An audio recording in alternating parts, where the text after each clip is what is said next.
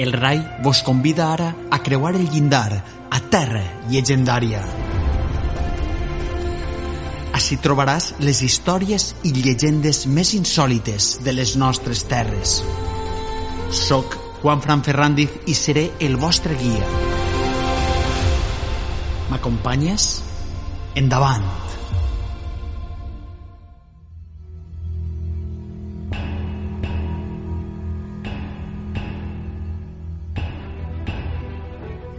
Si hi ha un personatge valencià que mereix estar per dret propi en terra llegendària, és ella.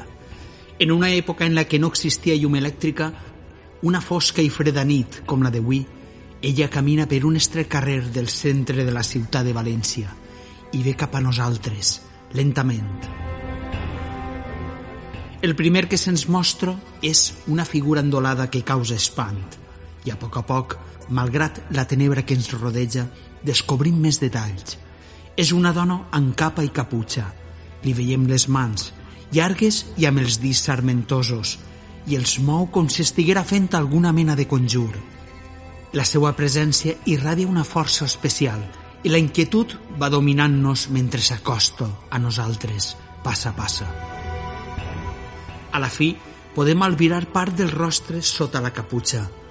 Té la pell pàl·lida, marcada per l'edat i una vida dura, però el més impressionant és la mirada. Dos punts brillants que ara estan fixats en nosaltres. Un esglai ens recorre l'esquena, ja està a prop, i mostra un somriure maliciós.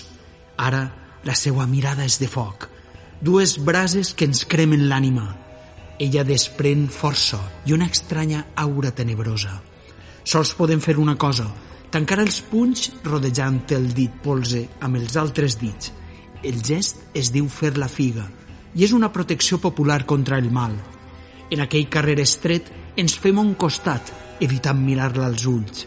Al seu voltant se senten veus, tres, fosques com la nit, que xiu-xiuegen coses espantoses.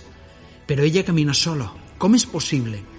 L'horror ens domina per complet i s'encollim junt al mur, fins que ella passa de llarg. Serà difícil oblidar la trobada perquè ella és Josefa Trànsit, la reina de les bruixes valencianes.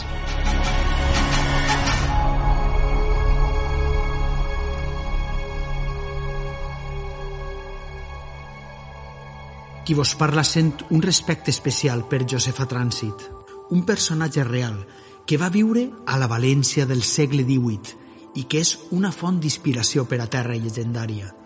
És algú molt especial perquè és realment una bruixa, amb tots els trets que la creença popular diu que tenen aquestes dones. Ho diem així perquè en realitat la nostra terra no és terra de bruixes tal i com les imaginem.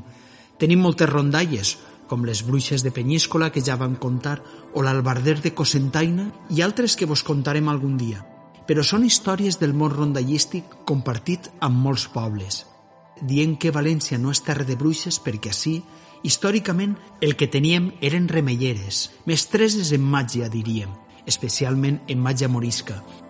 Els valencians tenim un enorme tresor de creences ancestrals, gràcies a la convivència de dues cultures durant molt de temps, però semblava que no hi havia eixes bruixes de llegenda dels aquelarres, de Zugarramurdi, com les basques i catalanes. O sí? Tres coses ha de tenir una bruixa per a ser-ho. La primera, la capacitat de canviar de forma, fins i tot esmunyir-se pels panys de les portes i badalls de les finestres, com afirmen les llegendes i testimonis de l'època. La segona, volar per participar en aquelarres. I la tercera, tenir de mestre el dimoni. I així és quan tornem a Josefa Trànsit, la reina de les bruixes valencianes, una joia única que es conserva a una investigació del Sant Ofici de València guardat a l'Arxiu Històric Nacional. Va ser al voltant de 1736 quan Josefa Trànsit, anomenada la Sarda, és acusada davant del Sant Ofici per un pescador anomenat Domingo Balaguer. L'home volia un encanteri per a pescar més i ella li va fer mitjançant aigua i oracions, però segons l'acusador, des d'aquest moment va pescar molt menys.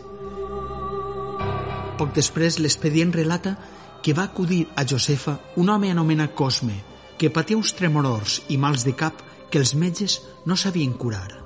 Josefa li va demanar que abandonara els tractaments mèdics perquè anava a ser ella qui el curaria. Amb salmòdies i una creu de llanda va aconseguir una curació ràpida i espectacular, però poc després Cosme va recaure. Estava greu i mentre Josefa li feia més rituals de curació, l'esposa de Cosme va començar a sospitar que, en realitat, era ella, Josefa, qui l'estava fent mal. De moment, la nostra protagonista sembla una simple remellera, amb una certa aura sinistra, això sí, però la cosa canvia quan comença a fer misterioses revelacions al Sant Ofici. La primera va ser afirmar que aquella mateixa nit, abans de declarar davant del tribunal, havia estat en l'habitació de Cosme, observant els símptomes de la seva malaltia. Però segons la dona i altres parents de Cosme, això era impossible, perquè les portes i finestres de la casa havien estat tancades tota la nit. Com era possible que Josefa hagués entrat a l'habitació? Aleshores, ella va revelar que tenia la capacitat per a entrar a les cases pel forat del pany o per la xemeneia. Primera característica d'una bruixa. Però això no és tot. Quan se li preguntava sobre la naturalesa de la malaltia de Cosme, Josefa va negar que ella fora la causant – tot al contrari, havia buscat qui havia maleït a l'home i havia descobert que era una muller envejosa de la població d'Alcover, en Tarragona. Però com havia pogut saber això si Josefa Trànsit no s'havia mogut mai de València? Aleshores, ella fa una declaració sorprenent davant dels tribunals i que és insòlita a les nostres terres. La nostra bruixa confessa que sovint acudix a una reunió secreta de dones a un erm d'ull de cona i ho fa volant.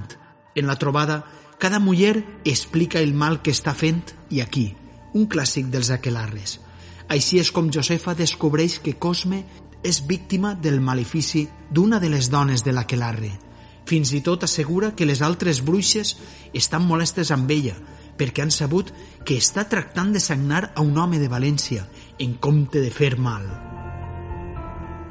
La menció a un suposat aquelarre davant del Sant Ofici de València és quasi única i extraordinària en el nostre tradicionari. Però era Josefa una bruixa en realitat? De moment tenim la capacitat d'enfilar-se en les cases tancades, l'assemblea i la de volar a llocs llunyans com Uidecona per a celebrar un aquelarre, però no és suficient. Com hem dit, cal un tercer element, molt més sinistre i perillós, el qual no triga a aparèixer davant del Sant Ofici. Josefa confessa que en una ocasió va maleir una neboda per no voler donar-li el pit a un dels seus nets. Aleshores va consultar a un cert dimoni amb un ritual i se li va revelar un terrible conjur. Consistia en gelar un canter d'aigua i quan la neboda beguera d'ell li entrarien tres esperits infernals que la posseirien durant tres anys. Eixos dimonis s'anomenaven, curiosament, el guapet, el pobret i el mudet, i pense que podrien ser part del bestiari fantàstic valencià, d'eixos espantacriatures, però en el context d'aquesta història no semblen tan amables. Els dimonis estaven allotjats en el cervell, el coll i el pit de la neboda, i la salut de la jove es va greujar tant que la pròpia bruixa se'n va penedir, diríem ara que la cosa se li va anar de les mans. Tots els intents de Josefa per alliberar la neboda eren inútils. Segons els propis dimonis, als que ella qualificava amb dolçor de fillets, calia dir unes paraules concretes per a espantar-los, però ella no les sabia i ells no les podien revelar. Josefa va afirmar al tribunal que havia volat diverses vegades a Ulldecona per a demanar consell i fins i tot va acudir a un que anomena el mestre. A qui es referia? Tot apunta a que refereix al propi Satanàs. La menció als dimonis és freqüent en els processos inquisitorials, però anomenar-lo mestre té unes implicacions molt greus, doncs hi ha una relació de superioritat. Podríem estar davant de l'esbós d'una novel·la, però tot això està als gigalls del Sant Ofici. Per això Josefa és una de les poques valencianes a la que podem considerar una autèntica bruixa segons la creença popular. Hi hauríem més? Segur, però el que ens queda són els fragments de la seva història i això la fa ser per a nosaltres la reina de les nostres bruixes. Per sort, ens trobem ja entrat al segle XVIII i la crema de bruixes quedava lluny. Així resa la sentència conservada en el procés. Josefa Transit, penitenciada por este santo oficio en 15 del presente por delitos de bruja y hechicera, ha sido condenada, entre otras penas, a que por tres años sea confinada en esa ciudad, en donde sea encargada de ministro eclesiástico del tribunal que la instruya y fortifique en la verdad. Va a ser azotada, condemnada a portar el Sant Benet desterrada, sabent que va acabar vivint a Xàtiva, on era vigilada per un comissari del Sant Ofici, el qual informa que Josefa complia amb la missa, però no semblava haver renunciat a les seues creences. Tal volta això li podia haver causat nous problemes, però allí li va sorprendre la mort. La seva història ens parla d'una dona indòmita, ferma en les seues creences. Nosaltres no anem a entrar en què hi ha de cert o no en tota aquesta història. Allò era altre món, un món del que ara ens queden llegendes, històries estranyes i misterioses com aquesta. Tresors, en definitiva, del folklore i la història. I mentre la veiem allunyar-se envoltada en la seva capa negra, ens preguntem on anirà. Si volarà de nou a Uidecona o va a realitzar qui sap quin ritual amb els seus fidels dimonis, el guapet, el pobret i el mudet, els seus fillets i sobretot si tornarem a creuar-nos amb la poderosa Josefa Trànsit, la reina de les bruixes valencianes, la reina d'aquesta terra llegendària.